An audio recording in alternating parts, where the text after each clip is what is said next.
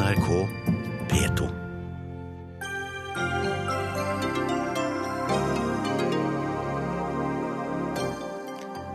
I dag fikk ekteparet Moser nobelpris i Stockholm, og Malala og Kailash Satyarthi fikk nobelprisen for kampen for barns rettigheter i Oslo. Hadde folk sett en jente som ligner Malala på gaten, hadde de tenkt at hun var en uintegrert innvandrer som er undertrykt av familien, mener samfunnsdebattant. NHO åpner for å beholde formuesskatten for de aller rikeste. Endelig innser de at slaget er tapt, mener Arbeiderpartiet. Og Elin Ørjasæter nedgraderer, stakkarsliggjør og stigmatiserer de eldre arbeidstagerne når hun sier at pensjonsalderen er høy nok. Det mener arbeidslivsforsker.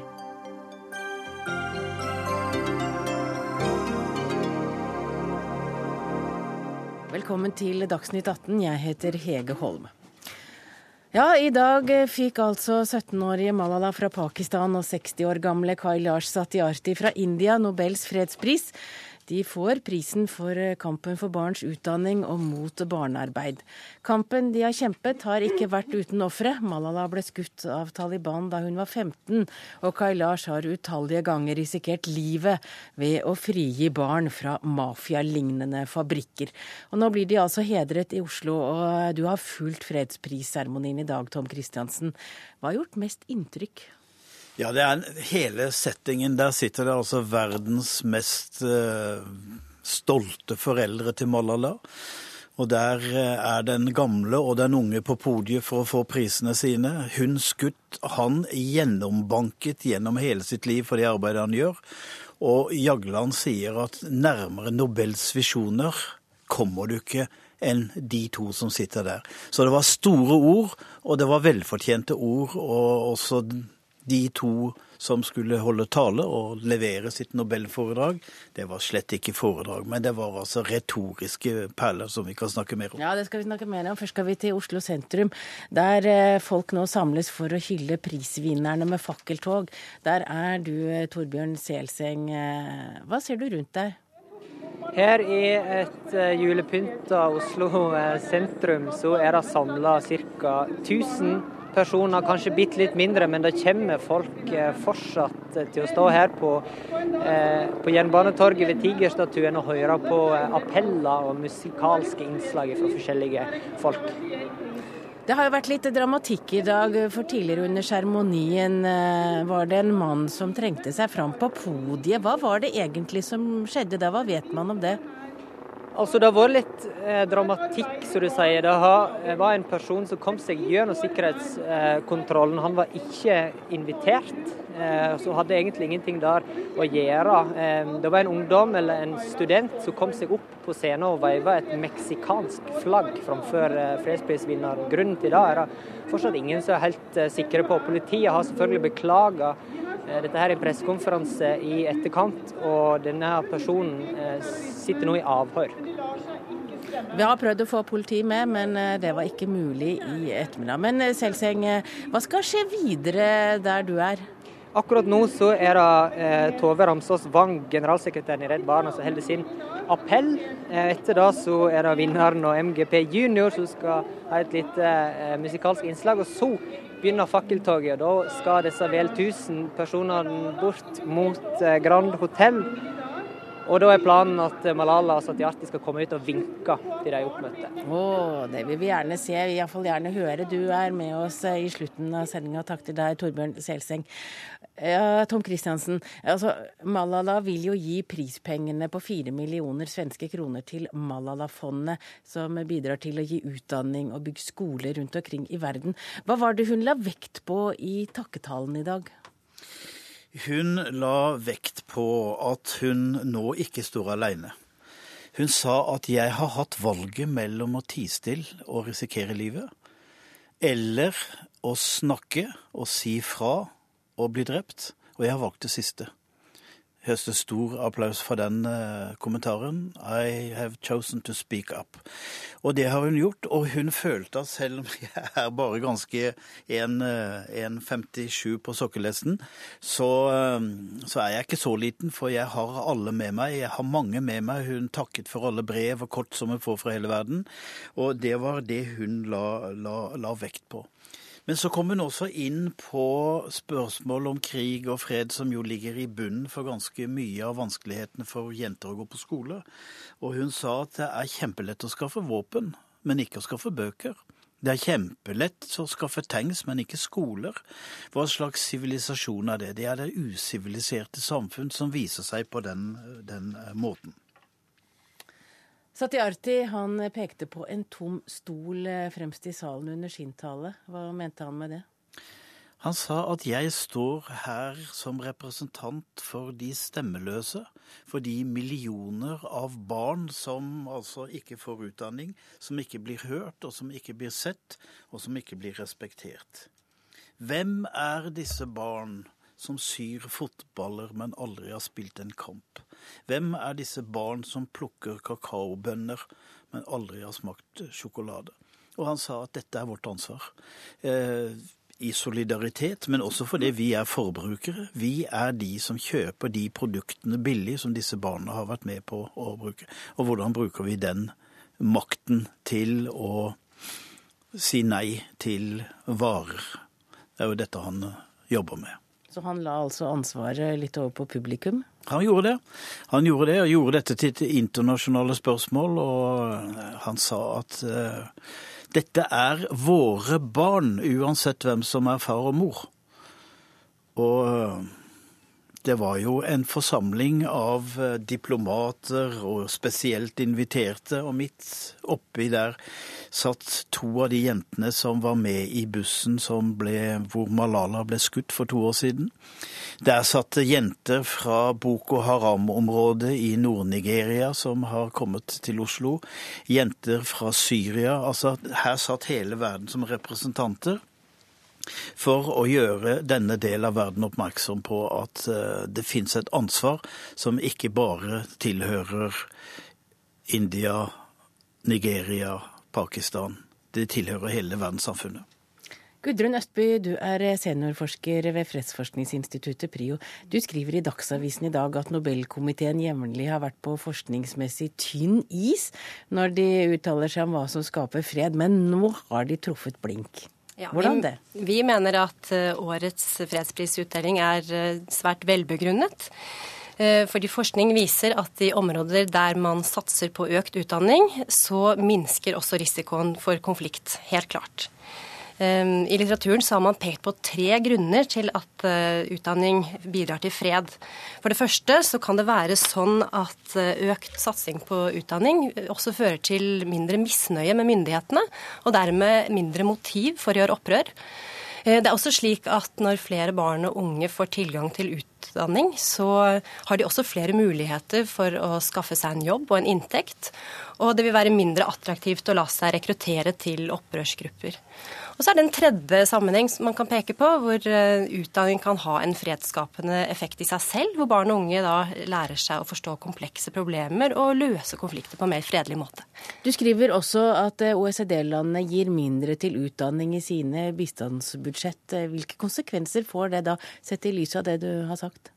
Ja, altså Det er jo en negativ trend nå. Både i Norge og internasjonalt så er det sånn at prioriteringen av eh, utdanning i utviklingssamarbeidet har blitt svekket i de senere år. Eh, og når vi vet at det er en så sterk sammenheng forskningsmessig at økt satsing på utdanning fører til fred, så er det jo beklagelig at man nedprioriterer utdanning i eh, utviklingssamarbeidet.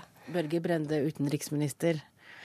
Hva sier du til oppfordringen kan vi vel si fra forskeren her om at det mangler satsing på forskning og utdanning? Jeg kan slutte meg til hvert et ord. Og Det vi må få til, er å, å, snu den trenden. Det er 58 millioner barn i verden som ikke går på skole, som ikke har tilbud om skole. Hvis vi tar med oss og eh, sjette og sjuende året så er det 66 millioner jenter som ikke har skoletilbud i verden, som Malala sa i dag. Og den trenden har vært siden 2010, så har den globale satsinga på utdanning eh, gått ned.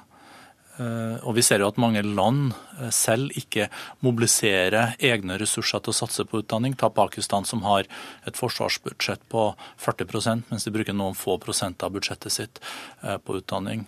Så nå har vi i Norge iallfall, bredt flertall, blitt enige om at vi skal snu, og til neste år så øker vi utdanningssatsinga med over en halv milliard, og vi skal doble det vi gjør. Men hvordan kan du få med andre land på den samme satsingen? Tror du fredsprisen kanskje kan åpne noen kontoer? Ja.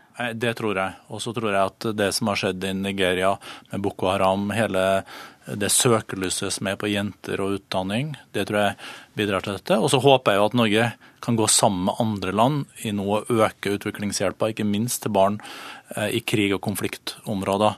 Der har du òg eh, en situasjon hvor de landene ikke har noen mulighet til å dekke den utdanninga. Altså, Libanon, eh, Jordan kan ikke betale for de syriske flyktningene. Mens når det gjelder Nigeria, som har egne ressurser, Pakistan, som delvis har egne ressurser, så må vi se på et partnerskap. Vi kan bidra, men de må òg eh, løfte ressursene eh, sjøl. Og den beste investeringa eh, i fremtida å satse på utdanning. Og så har vi en gyllen mulighet nå, for nå driver man og utformer de nye tusenårsmålene som skal gjelde frem til 2030, bærekraftsmålene, og der må vi få ambisiøse mål innenfor utdanning. Alle barn skal ha rett til utdanning eh, f.eks. innen 2020. Og så må vi få alle land må, som har mulighet, må uh, tallfeste hva man kan bidra med. Er du så optimistisk? Altså, Det er jo fint å høre at utenriksministeren er optimistisk. Eh, jeg tenker at Vi må se ganske nyansert på dette også, for det handler jo ikke bare om å øke utdanningen jevnt over, men det handler også om å nå de gruppene som er mest utestengt.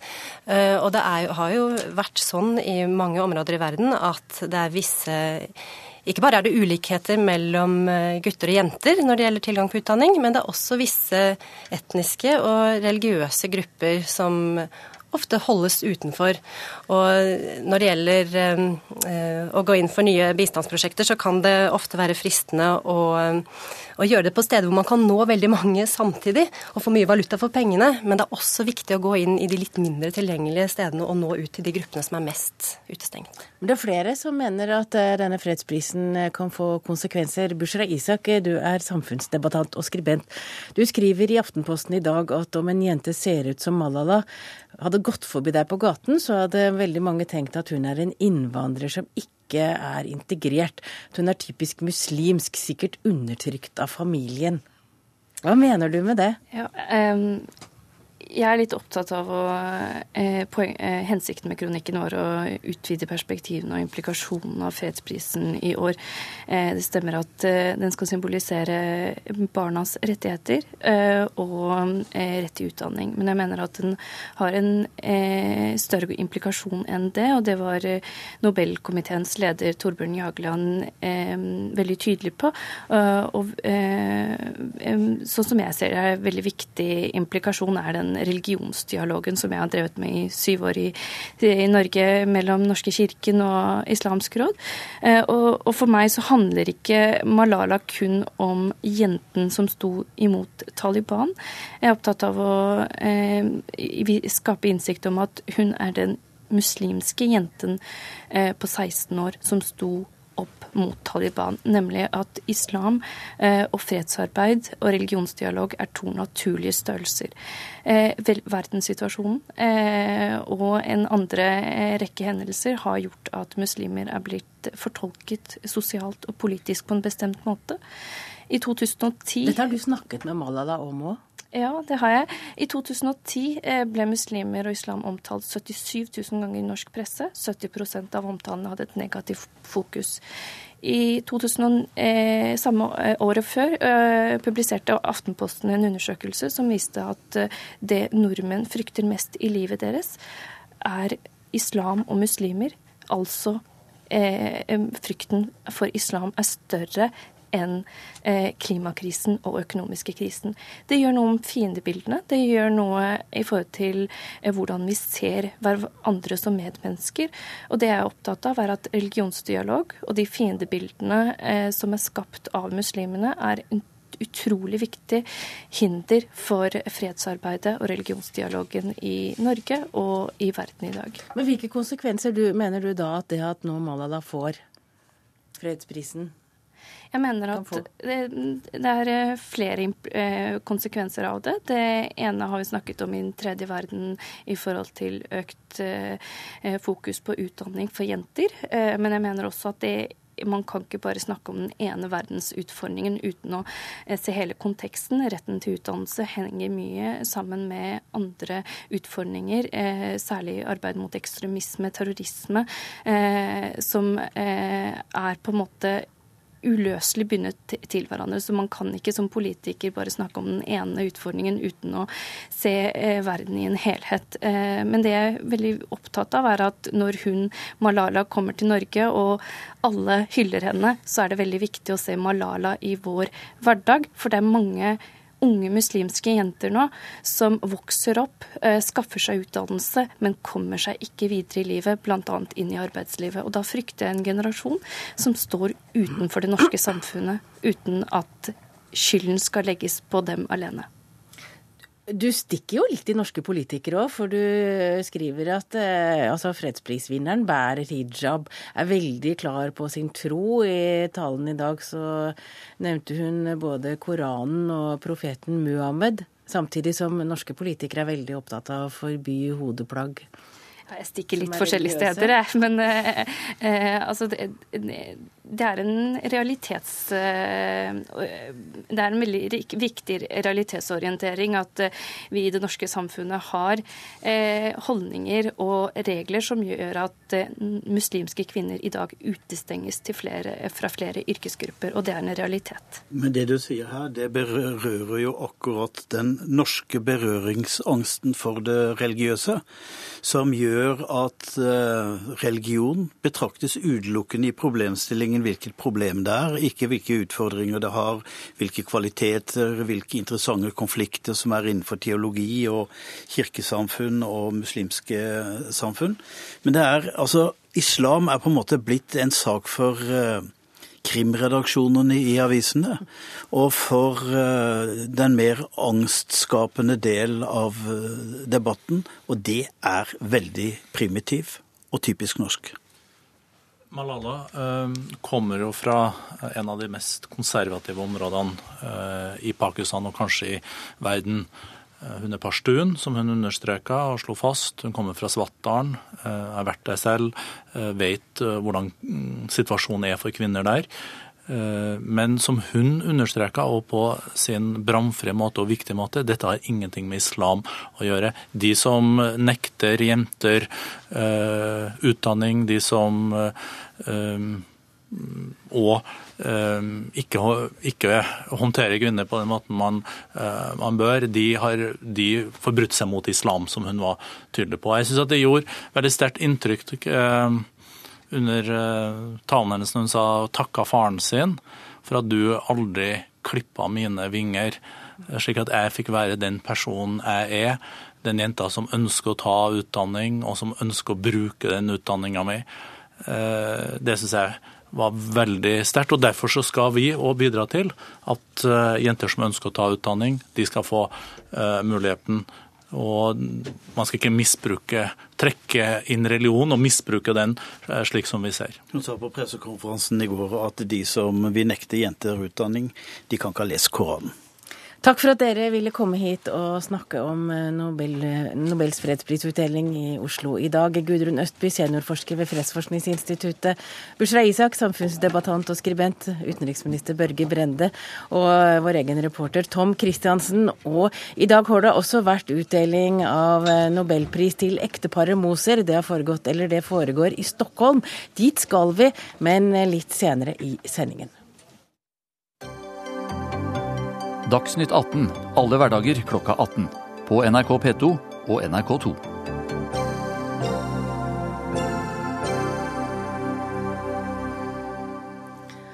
Ja, Næringslivets hovedorganisasjon har ment lenge at formuesskatten bør bort, men tenker nå nytt etter at Scheel-utvalget anbefalte å beholde den omstridte skatten. På et frokostmøte hos Civita denne uken åpnet NHO-direktøren for et kompromiss der bare de aller rikeste må skatte av formuen. Og Kristin Skogen Lund, du er direktør i NHO. Hvordan ser du for deg at dette skal skje? Ja, altså, jeg har lyst til å si at vi, jo, vi, har alltid ment at skatt skal være omfordelende. Men så mener vi altså at formuesskatten den har en veldig liten effekt på den eh, omfordelingen. For det er det velferdsordninger og andre skatter som har. Og så er det sånn at denne formuesskatten den hindrer folk og norske eiere å investere. Og da tar man faktisk vekk noe av grunnlaget for nettopp de velferdsordningene. Men så er det sånn at det er også politikk i dette her. Og eh, vi innser at for deler av det norske politiske liv så er det veldig viktig å ha eh, en form for formuesbeskatning. Og som Hans Henrik Scheel veldig riktig sa i går, hvis vi skal få et skatteforlik eller et nytt skattesystem i Norge, så er det veldig avhengig av at det har bred politisk enighet, for det må kunne stå seg over mange år, uavhengig av hva slags regjering vi har.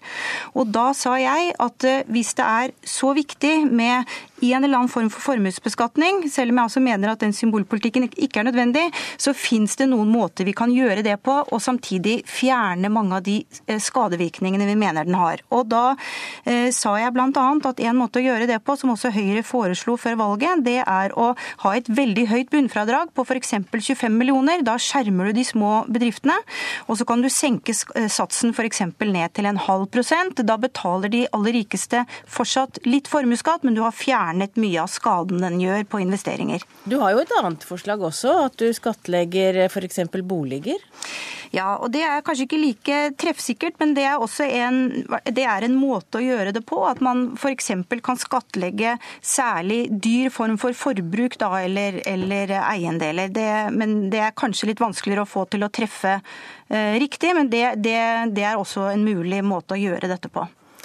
Du, du, sier i et intervju med Dagens Næringsliv, eh, der kaller du formuesskatten for symbolpolitikk. Er det egentlig bare et symbol som dere nå på en måte bare legger litt på hylla?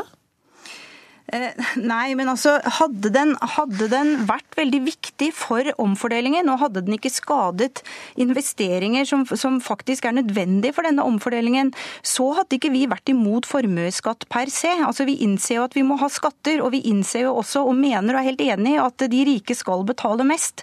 Men vi mener altså at formuesskatt er en dårlig skatteform. Det er det som er vårt poeng. og Derfor så syns vi den bør fjernes helt. Eh, det er det vi mener. Men det er klart, vi innser jo også at skal man få til et bredt politisk, eh, en bred politisk enighet slik dette spørsmålet står nå, så, så må, må, man fire litt på noen prinsipper. Og da har vi sagt at det er en, den modellen jeg presenterte i sted, kanskje en måte å løse det på. Ja, Marianne Martinsen, du er finanspolitisk eh, talsperson i Arbeiderpartiet. Syns du dette er en god idé med et eh, bunnfradrag på 25 millioner? Altså, det er jo noe i nærheten av å avskaffe formuesskatten, så etter min mening er det et forslag som går altfor langt. Men det jeg syns er positivt, er jo at vi hører i hvert fall tendensen til en litt mer konstruktiv tone fra NHO i denne saken. Jeg er jo blant dem som har ment at Scheel-utvalgets rapport egentlig bør avslutte hele debatten om hvorvidt vi skal avskaffe formuesskatten eh, eller ikke, og heller komme inn på et spor hvor vi diskuterer de mest fornuftige måtene å beskatte formue på. Fordi det Scheel-utvalget gjør, er jo at de anerkjenner formuesskatten som et viktig omfordelende redskap i vårt skattesystem. Og, og jeg reagerer jo eh, faktisk ganske krast på at eh, NHO-lederen reduserer dette til et spørsmål om ren symbolpolitikk. Jeg mener at det er eh, i aller høyeste grad realpolitikk. Det å ønske å ha et skattesystem som rent faktisk bidrar til omfordeling. Nå er det bare noen dager siden vi fikk eh, en eh, ny rapport fra OECD som peker veldig tydelig på sammenhengen mellom omfordeling og vekst.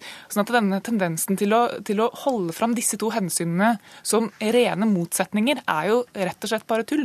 Og det er ikke sånn at det å opprettholde et system som bidrar til at vi har små forskjeller i Norge, og dermed god vekstevne, kommer av seg sjøl. Det er vi nødt til å bruke politiske virkemidler, sånn som formuesskatten er. Kan jeg få svare på det? Ja, vær altså, så god. Du sitter i et annet studio, så Ja. du ser oss nei, ikke. Nei. Eh, nei, altså nå tror jeg nesten Martinsen snakker litt mot bedre vitende. Fordi 72% av omfordelingen kommer fra velferdsgoder, 26 fra andre typer skatter og 2% fra formuesskatten. Så den har en liten omfordelende effekt, ja, men den er forsvinnende liten. Og hvis formuesskatten fører til at vi får mindre investeringer i norsk næringsliv, som vi kommer til å trenge enda mer av nå fremover når det går nedover i oljeindustrien, så kan den faktisk ødelegge for eh, de gode velferdsordningene som altså utgjør 72% fordi vi ikke skaper nok inntekter. Derfor mener vi dette er en dårlig skatt, og det må det være lov til å si.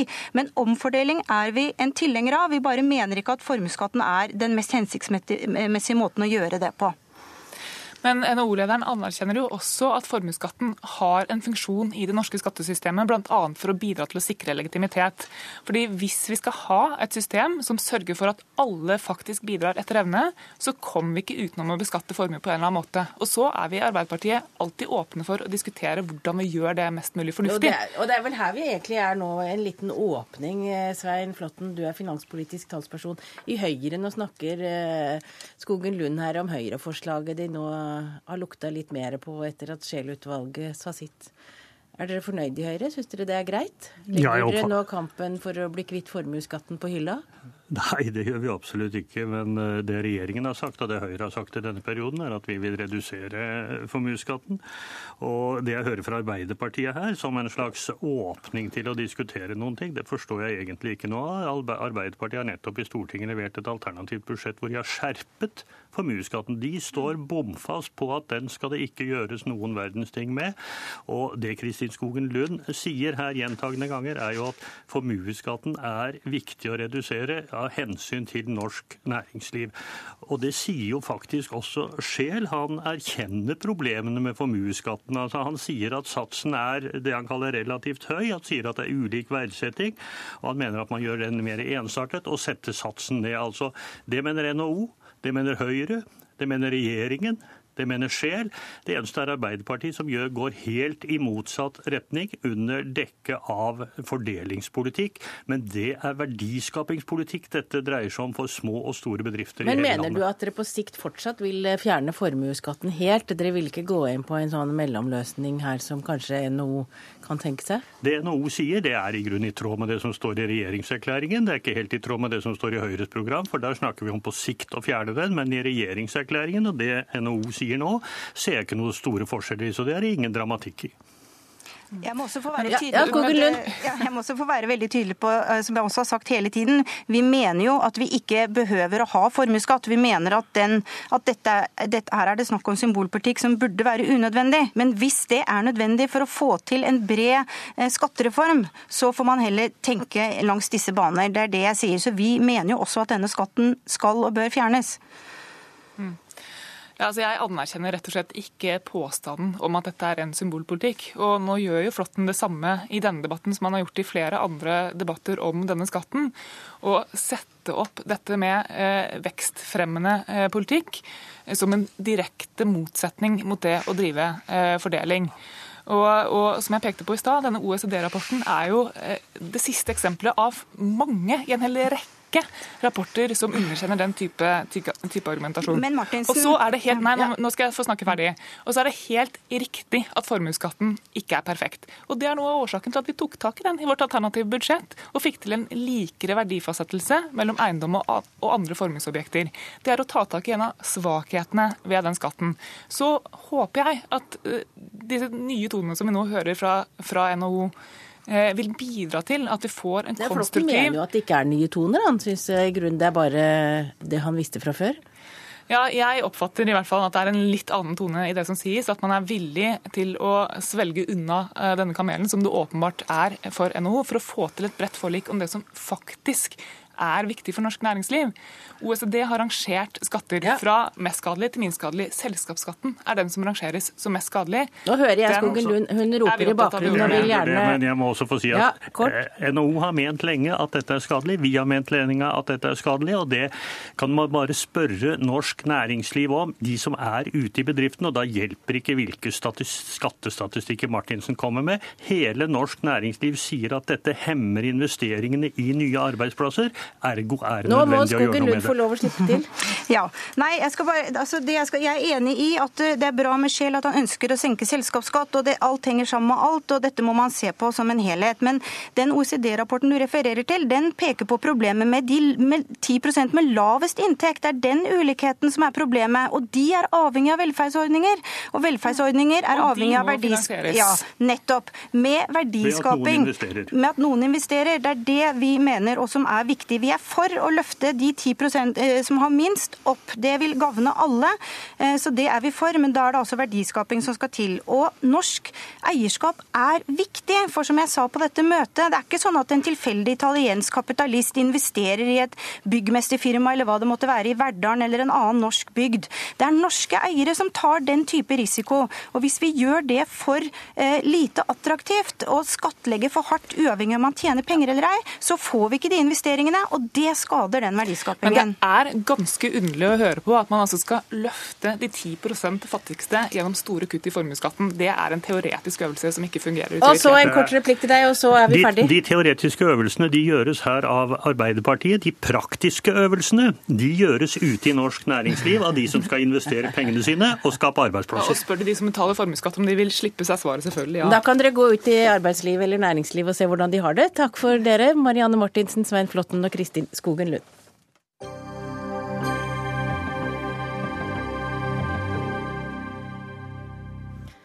Arbeiderpartiets stortingsrepresentant Hadia Tajik får kritikk for å blande roller i en ny programserie på NRK. I programmet På bortebane følger stortingspolitikeren eh, han, følges hun i utlandet, og hun stiller spørsmål ved bl.a. dødsstraff og barneoppdragelse.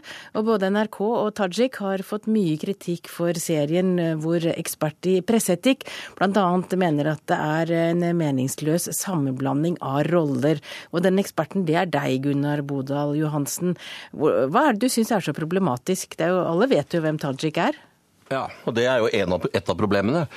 Nei, altså Mitt uh, enkle utgangspunkt uh, det er det at en public service-kanal som NRK må opptre uavhengig av alle maktmiljøer.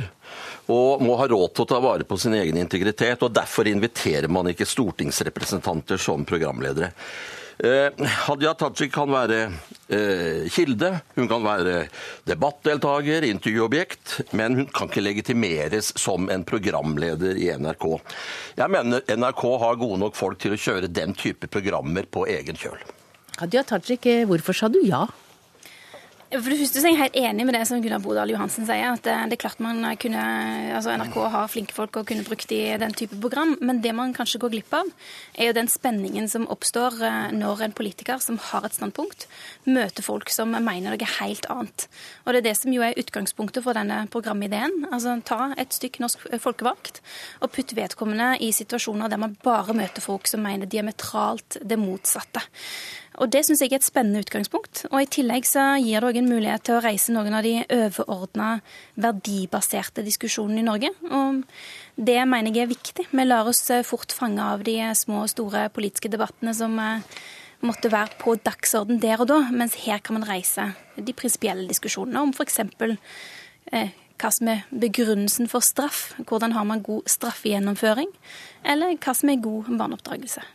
Petter Wallas, du er eh, eksternsjef i NRK, som det heter. Har dere utvist litt dårlig skjønn her når dere har eh, valgt eh, Hadia Tajik og ikke en programleder i egne rekker?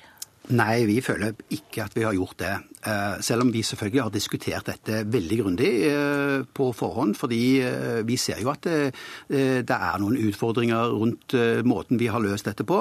Men det er viktig å ta for seg for det første at dette ikke er en rolle som programleder. Vi har invitert Hadia med på å være. Vi har flere programmer på NRK hvor vi er med og, får sjansen til å være med en, en person som, som er en hovedperson i et program, men som på ingen måte er programleder. Og vi har brukt veldig mye tid i utformingen av dette programmet på å gjøre det veldig tydelig og klart. Og det har vi jo òg sett på de reaksjonene programmet har fått, og den debatten som, som programmet har skapt. Det som virkelig har skapt debatt, det er jo de emnene som prosjektet har tatt opp. Og den debatten vi diskuterer her nå, har jo, har jo på ingen måte vært den dominerende debatten rundt dette. Men jeg ser at Frp er veldig, er veldig misunnelig. Eh, altså, eh, Hadia Tajik, eh, fremtredende Arbeiderpartipolitiker, får tre programmer. Ja, men det er fint at han er. For vi har, vi har, jo planer om å lage flere programmer etter dette. Dette har fra, hele, fra starten av vært planlagt som å bygge en, en, serie. Vi ønsket å prøve dette ut. Det er en helt ny og uprøvd idé. Og vi hadde lyst først å prøve og se hvordan dette fungerte, og så gå videre. Og vi har allerede snakka med flere som har, som har vist interesse for å være med, og som har en annen politisk eh, bakgrunn enn det Hadia har. Det, er, eh, det viktige for oss har vært å lage en serie som tar for seg de konsensusholdningene som vi har i Norge, og som vi stort sett alle er enige om, og, eh, og som vi derfor ikke får sjansen til å debattere. Og vi har jo, Det er jo viktig å, å, å, si at det er jo ikke Hadia som tar med oss på en reise, men det er vi som er med henne på en reise på vegne av oss alle. Og... Det, men eh, Bodal Johansen, er det greiere når NRK inviterer f.eks. Eh, Ellingsen fra Frp til å gjøre det samme senere? Nei, jeg syns jo ikke det er greit i det hele tatt. Og nå er, diskuterer vi jo ikke det som uh, de nå fremholder, at det er så viktig å sette spørsmålstegn ved konsensusholdninger og, og, de temaene som blir tatt opp i programmet. Vi diskuterer jo den rollen som, som Tajik har her. Og det er jo et utgangspunkt for, for, NRK at de skal ha et kritisk tilsyn med all makt. og Tajik er jo en av de fremste maktpersonene i Norge. Hun har vært eh, som fremtredende politiker og er fremtredende politiker. Og jeg mener at eh, det gjelder jo ikke, Men det gjelder jo ikke bare eh, politikere. Det gjelder jo for så vidt eks-skiløpere som blir invitert inn som ekspertkommentatorer, fotballtrenere og alt sammen. Vi må ha en veldig klar rollefordeling her. De må være på den andre siden av bordet. Og det går an å utforme den type program programmer ved å ha denne klare rolle, eh, rollefordelingen. Altså Her tror jeg publikum blir veldig forvirret. Vi har av en av de mest kjente politikerne i Norge eh, som plutselig opptrer i mye større grad som en del av NRK enn som et eksternt menneske i et NRK-program. Og Det er dette som er problemet. Eh, Publikum må jo få et inntrykk av at NRK hadde veldig tette bånd med politikere. Og jeg tror også sånne ting påvirker NRKs forhold til, til makta. Så jeg mener at eh, vi må være veldig varsomme med ikke å eh, forvirre publikum ved å blåse disse grensene mellom det å være eh, en ekstern kilde og det å være et internt menneske i et program, selv om det aldri er så mye sånn at man sier her hun er ikke programleder. Men jeg har sett ut på nettet, så, oppfattes hun i veldig stor grad som en programleder i NRK-sammenheng. Jeg tror at eh, her undervurderes publikum ganske mye. Eh, jeg har ingen følelse av at eh, publikum som er vant med å se eh, personer i den rollen som ikke er programleder Vi har en hel serie som kommer opp nå som heter 'Hvem tror du at du er?', som vi sender for tredje gang. Hvor man, hvor man har en hovedperson som man følger gjennom hele episoden. Og vi opplever jo på de tilbakemeldingene vi har fått, at det er veldig få som har reagert akkurat på den rolleblandingen. Og det er jeg veldig glad for, for vi var selvfølgelig veldig observant på dette. Og ønska jo eh, eh, for eh, å være veldig tydelige på at det var ikke en programleder hun skulle være. At hun skulle være en som vi utfordra, inviterte inn utfordret eh, for å ta og diskutere eh, problemstillinger som vi ellers ikke diskuterte. Og jeg syns, eh, når jeg ser de programmene, og når jeg òg ser på den helt overveldende positive tilbakemeldingen vi har fått på serien, at det budskapet det har nådd frem til publikum. Hvem er det du føler du representerer når du reiser på tur med NRK? Egentlig meg sjøl.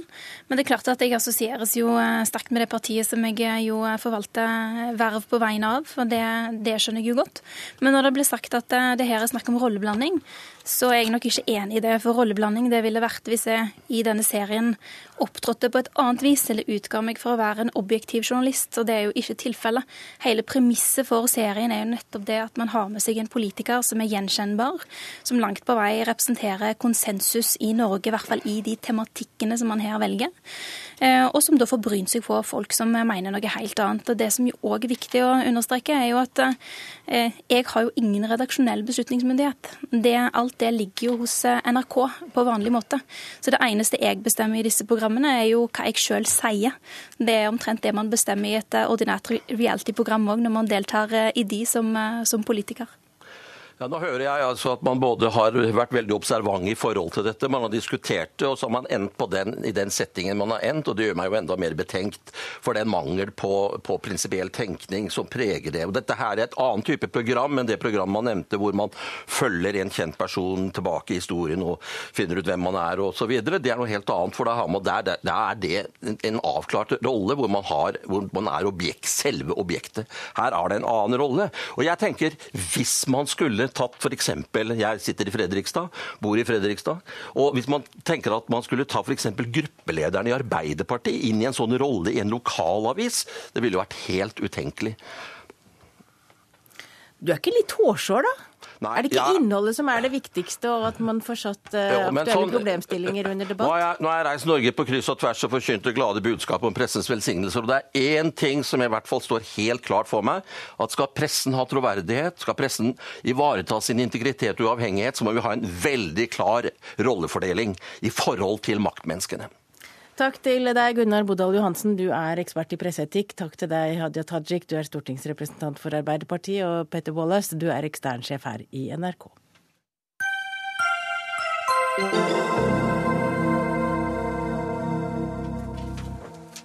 Ja, Så er spørsmålet der, hvor mye er det igjen av oss når vi har fylt 60? Inn kommer du, Elin Ørjasæter, du er førstelektor ved Markedshøgskolen.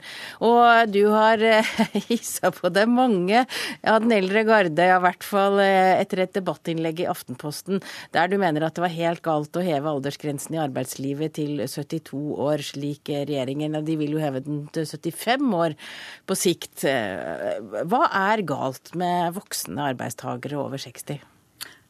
Ingenting. Det som jeg er opptatt av, det er oppsigelsesvernet. Fordi regjeringen har foreslått å heve det generelle oppsigelsesvernet til 72. Og det betyr at eldre som eh, ikke fungerer i jobben, vil kunne klamre seg fast til de er 72. Mens i dag det er alltid noen som ikke fungerer så godt i en jobb. De fleste fungerer godt. Alltid noen som ikke fungerer så godt. I dag vil jo de normalt gå av ved 67. Det er veldig mange forskjellige aldersgrenser vi snakker om her, og en ganske sånn kompleks materie når det gjelder hva som er pensjon, hva som er oppsigelsesvern osv. Men hovedpoenget mitt, det er jo at det er galt at den generasjonen, som faktisk er den rikeste i Norge ever noensinne, altså de eh, mellom 60 og 70 i dag, jeg syns det er galt at de skal kunne ha krav på både pensjon på pengene og på vern mot oppsigelse samtidig. Men har det noe med alder å gjøre? Altså At eh, du har folk som ikke passer inn i jobben sin og har et sterkt stillingsvern. Det kan vel gjelde for alle aldersgrupper? Ja, men det er jo ingen andre aldersgrupper hvor vi har denne problematikken. At, at, man faktisk har rett på en økonomisk ytelse for staten bare for å være til, og samtidig ha et fullt oppsigelsesvern. Så det er bakgrunnen for mitt engasjement i saken. Så har jeg jo gått inn på den debatten jeg nå hører du vil inn på, nemlig er de gamle dårligere til å jobbe enn de unge? Og da har jeg altså funnet andre kilder enn det vi vanligvis hører om i mediene. Og Det er denne såkalte PIAK-undersøkelsen, som er en slags sånn PISA for voksne, hvor NHO har publisert en rapport eh, som viser at eh, de eldre faktisk er, og da snakker vi om de over 50, både han og jeg eh, faller i den kategorien som ikke er så smarte lenger. De faller i regning og i eh, språkforståelse og generell problemløsning. Og så er det én ting som er viktig å forstå her. Ja, de faller, altså de blir dummere, er det det du Ja, vi blir det. Og det er også IQ-forskning viser jo at det du kaller den flytende intelligensen, den synker dramatisk. Mens det man kaller krystallisert intelligens, eh, den synker ikke på samme måten. Dette blir litt teknisk. Men det som er veldig viktig for meg å få sagt, det er jo ikke sånn at alle over 60 er dummere enn de på 30. Jeg tok det for gitt at mine motstandere for å kalle det det, skulle forstå at dette handler om gjennomsnittstall.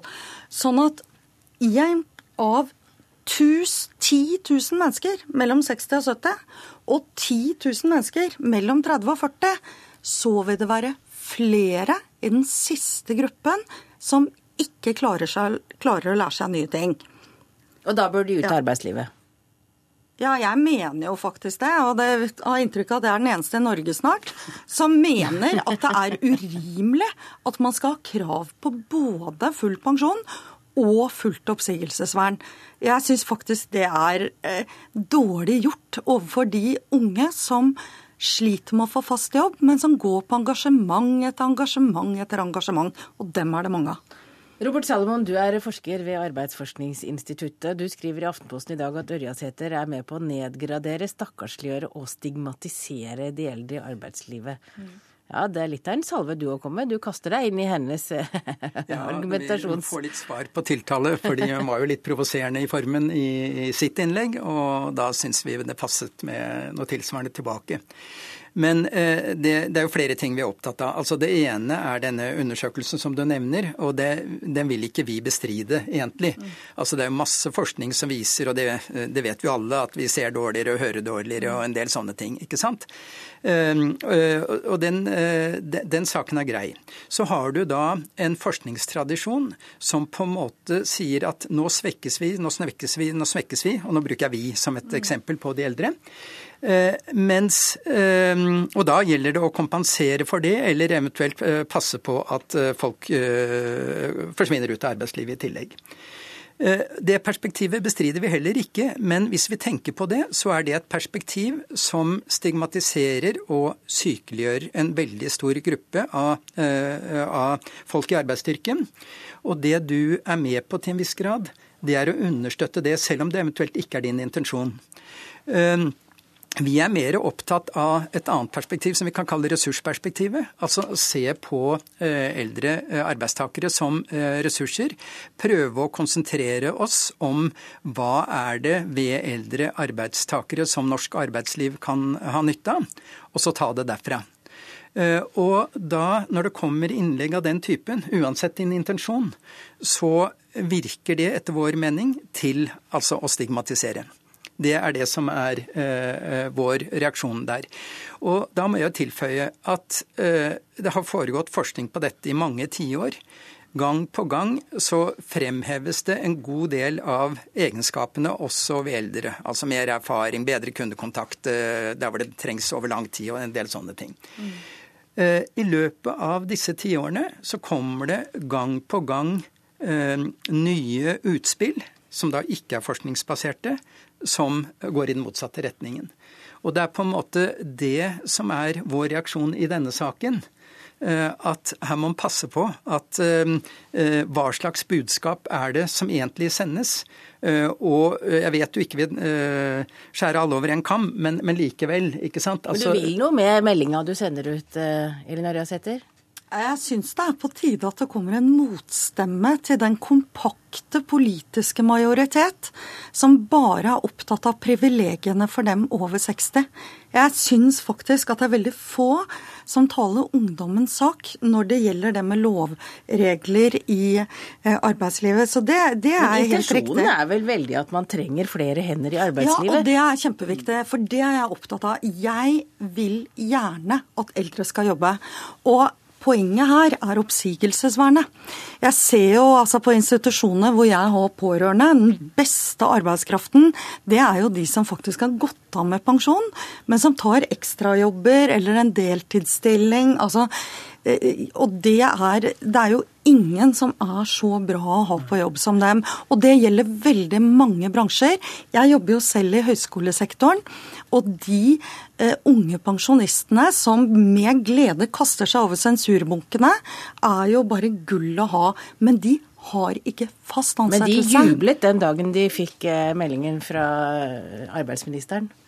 Eh, Det er jeg redd for, fordi jeg mener at dette er en type arbeidskraft eh, fra min egen sektor, høyskolesektoren, som nettopp viser at en professor vil jo elske å sitte til han er 72 eller 75, fordi arbeidskravet er ikke veldig stort. Sånn at kanskje til og med de som fungerer dårligst, er de som kommer til å sitte lengst.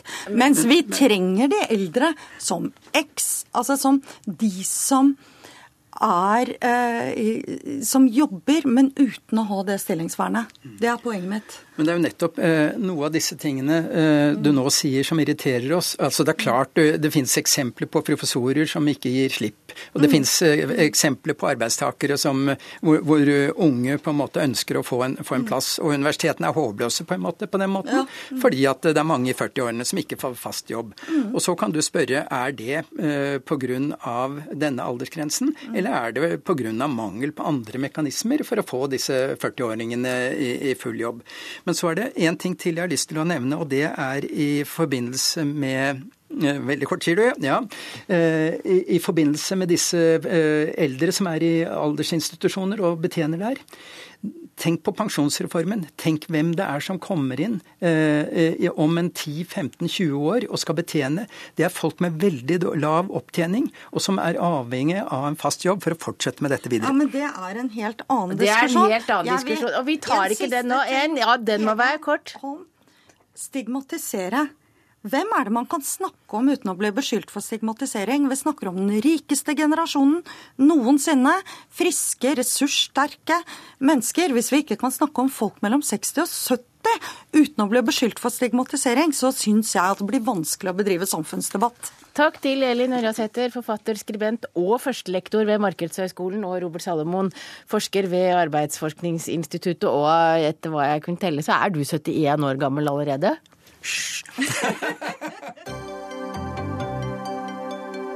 Hør Dagsnytt 18 når du vil. Radio NRK.no.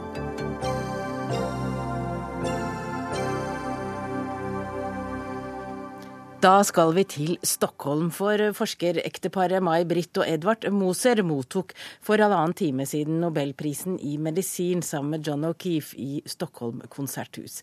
Det var svenskekongen som delte ut prisen som de fikk for sin forskning på hjernens posisjoneringssystem. Professor John O'Keefe, Mybrit Moser, and Edvard Moser.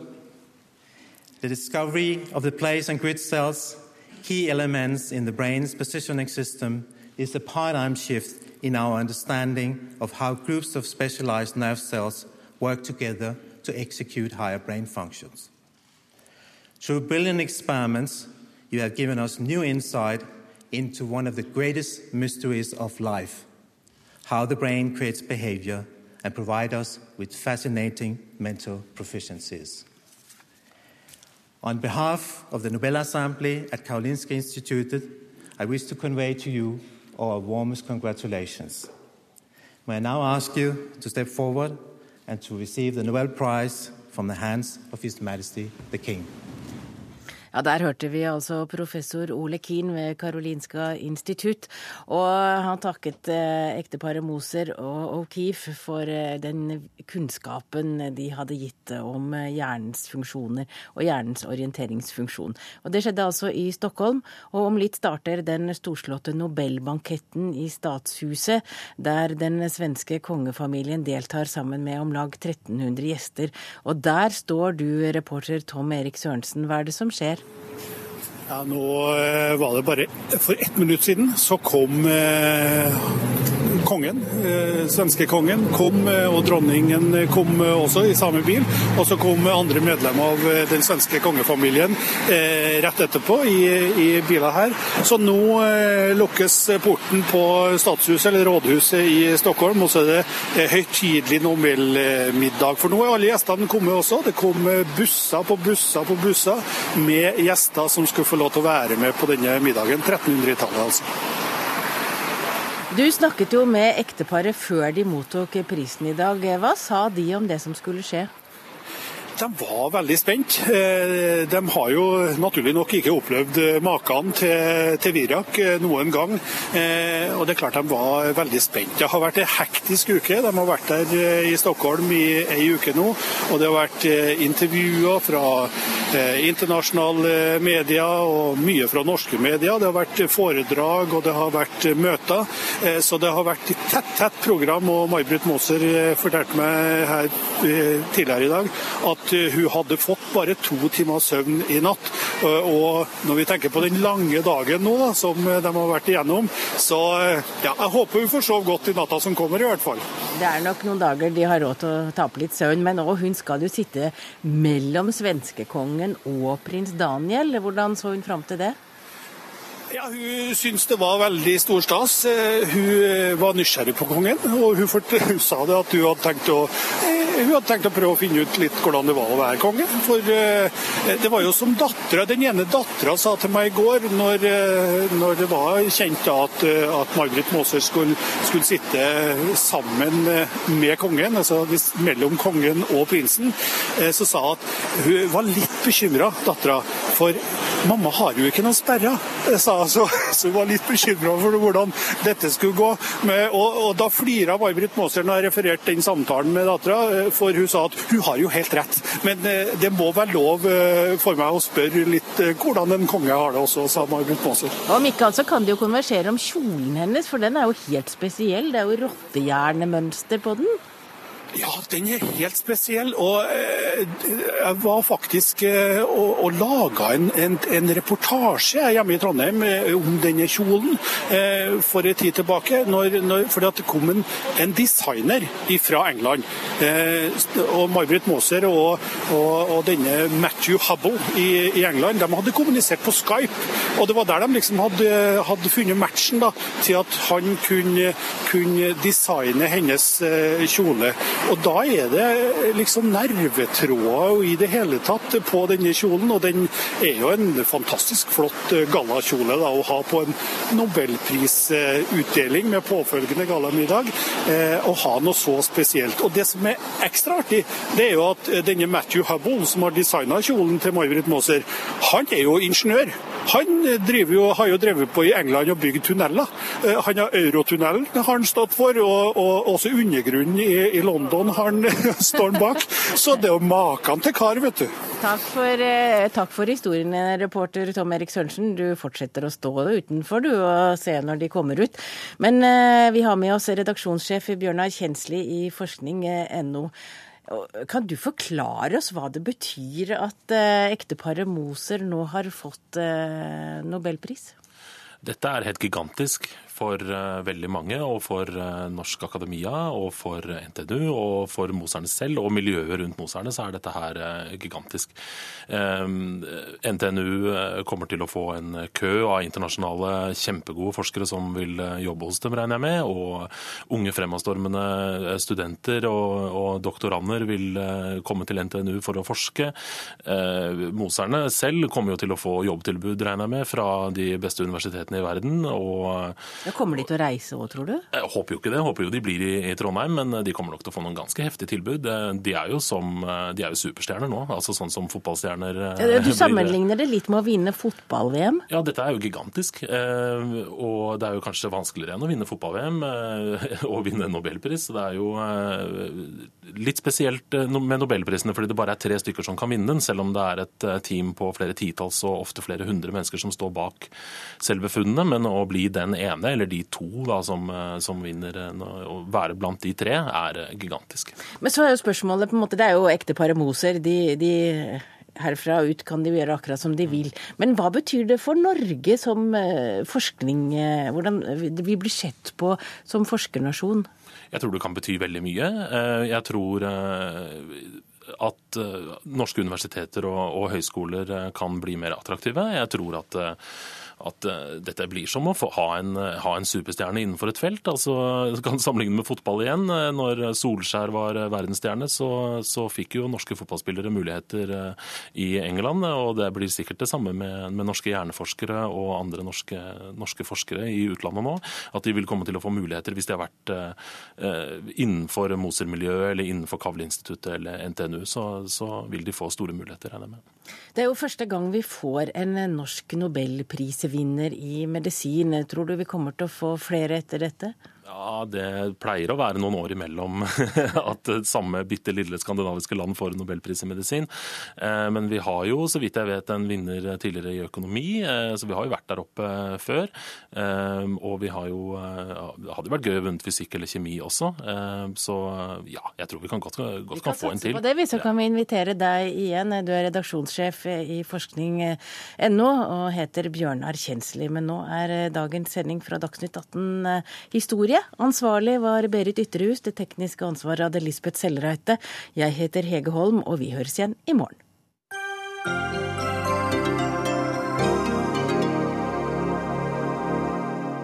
Hør flere podkaster på nrk.no podkast.